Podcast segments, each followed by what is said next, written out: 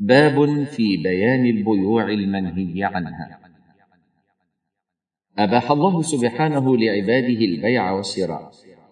ما لم يترتب على ذلك تفويت لما هو أنفع وأهم. كأن يزاحم ذلك أداء عبادة واجبة أو يترتب على ذلك إضرار بالآخرين. فلا يصح البيع ولا الشراء ممن تلزمه صلاة الجمعة بعد ندائها الثاني. لقوله تعالى يا أيها الذين آمنوا إذا نودي للصلاة من يوم الجمعة فاسعوا. فاسعوا إلى ذكر الله وذروا البيع. ذلكم خير لكم إن كنتم تعلمون. فقد نهى الله سبحانه وتعالى عن البيع وقت النداء لصلاة الجمعة لئلا يتخذ ذريعة إلى التشاغل بالتجارة عن حضورها. وخص البيع لأنه من أهم ما يشتغل به المرء من أسباب المعاش. والنهي يقتضي التحريم وعدم صحة البيع. ثم قال تعالى ذلكم يعني الذي ذكرت لكم من ترك البيع وحضور الجمعة خير لكم من الاشتغال بالبيع.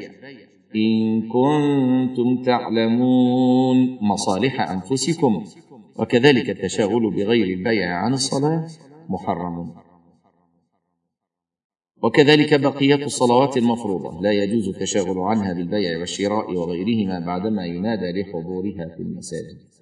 قال تعالى في بيوت أذن الله أن ترفع ويذكر فيها اسمه يسبح له يسبح له فيها بالغدو والآصال رجال لا تلهيهم تجارة ولا بيع عن ذكر الله وإقام الصلاة. وإقام الصلاة وإيتاء الزكاة يخافون يوما تتقلب فيه القلوب والأبصار ليجزيهم الله أحسن ما عملوا ويزيدهم من فضله والله يرزق من يشاء بغير حساب الصفحة السابعة والعشرون بعد المئتين. وكذلك لا يصح بيع الشيء على من يستعين به على معصية الله ويستخدمه فيما حرم الله. فلا يصح بيع العصير على من يتخذه خمرا لقوله تعالى ولا تعاونوا على الإثم والعدوان وذلك إعانة على العدوان. وكذا لا يجوز ولا يصح بيع سلاح في وقت الفتنة بين المسلمين لئلا يقتل به مسلم.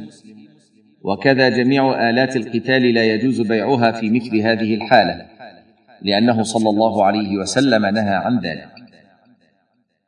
ولقوله تعالى ولا تعاونوا على الإثم والعدوان حاشية؟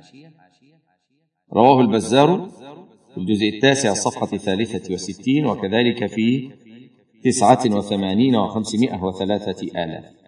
كما علقه البخاري في صحيحه موقوفا. انتهى. قال ابن القيم حاشية في إعلام الموقعين الجزء الثالث الصفحة التاسعة بعد المئة. انتهى. قد تظاهرت أدلة الشرع على أن القصود في العقود معتبرة وأنها تؤثر في صحة العقد وفساده. وفي حله وحرمته. فالسلاح يبيعه الرجل لمن يعرف أنه يقتل به مسلما حرام باطل. لما فيه من الإعانة على الإثم والعدوان. وإذا باعه لمن يعرف أنه يجاهد به في سبيل الله هو طاعة مقربه وكذا لا يجوز بيع سلاح لمن يحاربون المسلمين أو يقطعون به الطريق. لأنه إعانة على معصية. ولا يجوز بيع عبد مسلم لكافر إذا لم يعتق عليه لما في ذلك من الصغار وإذلال المسلم للكافر. وقد قال الله تعالى ولن يجعل الله للكافرين على المؤمنين سبيلا وقال النبي صلى الله عليه وسلم الإسلام يعلو ولا يعلى عليه حاشية. قال الحافظ في الفتح في الجزء الثالث الصفحة العشرين بعد المئتين وقد علقه البخاري. وصله الدار قطني والروياني بسند حسن. انتهى. وهو عند الدار قطني في الجزء الثالث الصفحة الثانية والخمسين بعد المئتين. والروياني برقم ثلاثة وثمانين وسبعمائة. وصححه في الجزء التاسع الصفحة الحادية والعشرين بعد الأربعمائة وفي التغليق في الجزء الثاني الصفحة التسعين بعد الأربعمائة من قول ابن عباس وهذا عند الطحاوي في الجزء الثالث الصفحة السابعة والخمسين بعد المئتين وقارن مع نصب الراية في الجزء الثالث الصفحة الثالثة عشرة بعد المئتين. انتهى.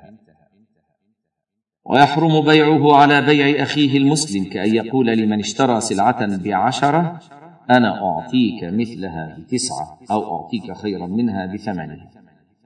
قال النبي صلى الله عليه وسلم ولا يبع بعضكم على بيع بعض. متفق عليه. حاشية.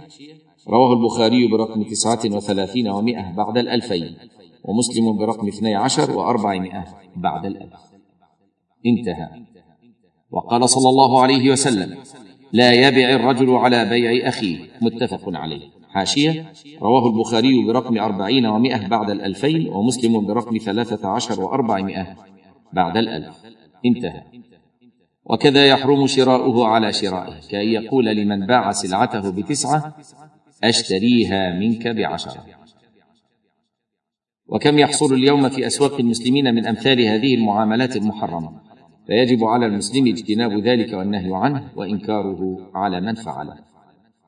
ومن البيوع المحرمة بيع الحاضر للبادي والحاضر هو المقيم في المدن والقرى. والبادي هو القادم من البادية أو غيرها لقوله صلى الله عليه وسلم لا يبع حاضر لباد. عشية؟ رواه البخاري برقم أربعين ومائة بعد الألفين ومسلم برقم ثلاثة عشر وأربعمائة بعد الألف. انتهى. قال ابن عباس رضي الله عنه لا يكون له سمسار أي دلالة يتوسط بين البائع والمشتري. وقال صلى الله عليه وسلم دعوا الناس يرزق الله بعضهم من بعض. عاشية رواه البخاري برقم واحد وعشرين وثمانمائة بعد خمسة آلاف ومسلم برقم خمسة وعشرين بعد الثمانمائة. انتهت الحاشية. الصفحة الثامنة والعشرون بعد المئتان. وكما أنه لا يجوز للحاضر أن يتولى بيع سلعة البادي كذلك لا ينبغي له أن يشتري منه. والممنوع هو أن يذهب الحاضر إلى البادي ويقول له أنا أبيع لك أو أشتري منك. أما إذا جاء البادي للحاضر وطلب منه أن يبيع له أو يشتري له فلا مانع من ذلك. ومن البيوع المحرمة بيع العينة وهو أن يبيع سلعة على شخص بثمن مؤجل ثم يشتريها منه بثمن حال أقل من المؤجل. كأن يبيع عليه سيارة بعشرين ألفا إلى أجل ثم يشتريها منه بخمسة عشر ألفا حالة يسلمها له. وتبقى العشرون ألفا في ذمته إلى حلول الأجل. فيحرم ذلك لأنه حيلة يتوصل بها إلى الربا. فكأنه باع دراهم مؤجلة بدراهم حالة مع التفاضل وجعل السلعة حيلة فقط. قال النبي صلى الله عليه وسلم إذا تبايعتم بالعينة وأخذتم أذناب البقر وتركتم الجهاد سلط الله عليكم ذلا لا ينزعه منكم حتى ترجعوا إلى دينه حاشية. رواه أبو داود برقم اثنين وستين وأربعمائة بعد ثلاثة آلاف. وأحمد في الجزء الثاني الصفحة الرابعة والثمانين. والبيهقي في الجزء الخامس الصفحة السادسة عشرة بعد الثلاثمائة. وأبو نعيم في الجزء الخامس الصفحة التاسعة بعد المئتين. وصححه ابن القطان نصب الراية في الجزء الرابع الصفحة السادسة عشرة. انتهى. وقال صلى الله عليه وسلم يأتي على الناس زمان يستحلون الربا بالبيع. حاشية ذكره ابن القيم من مراسيل الأوزاعي. انتهى.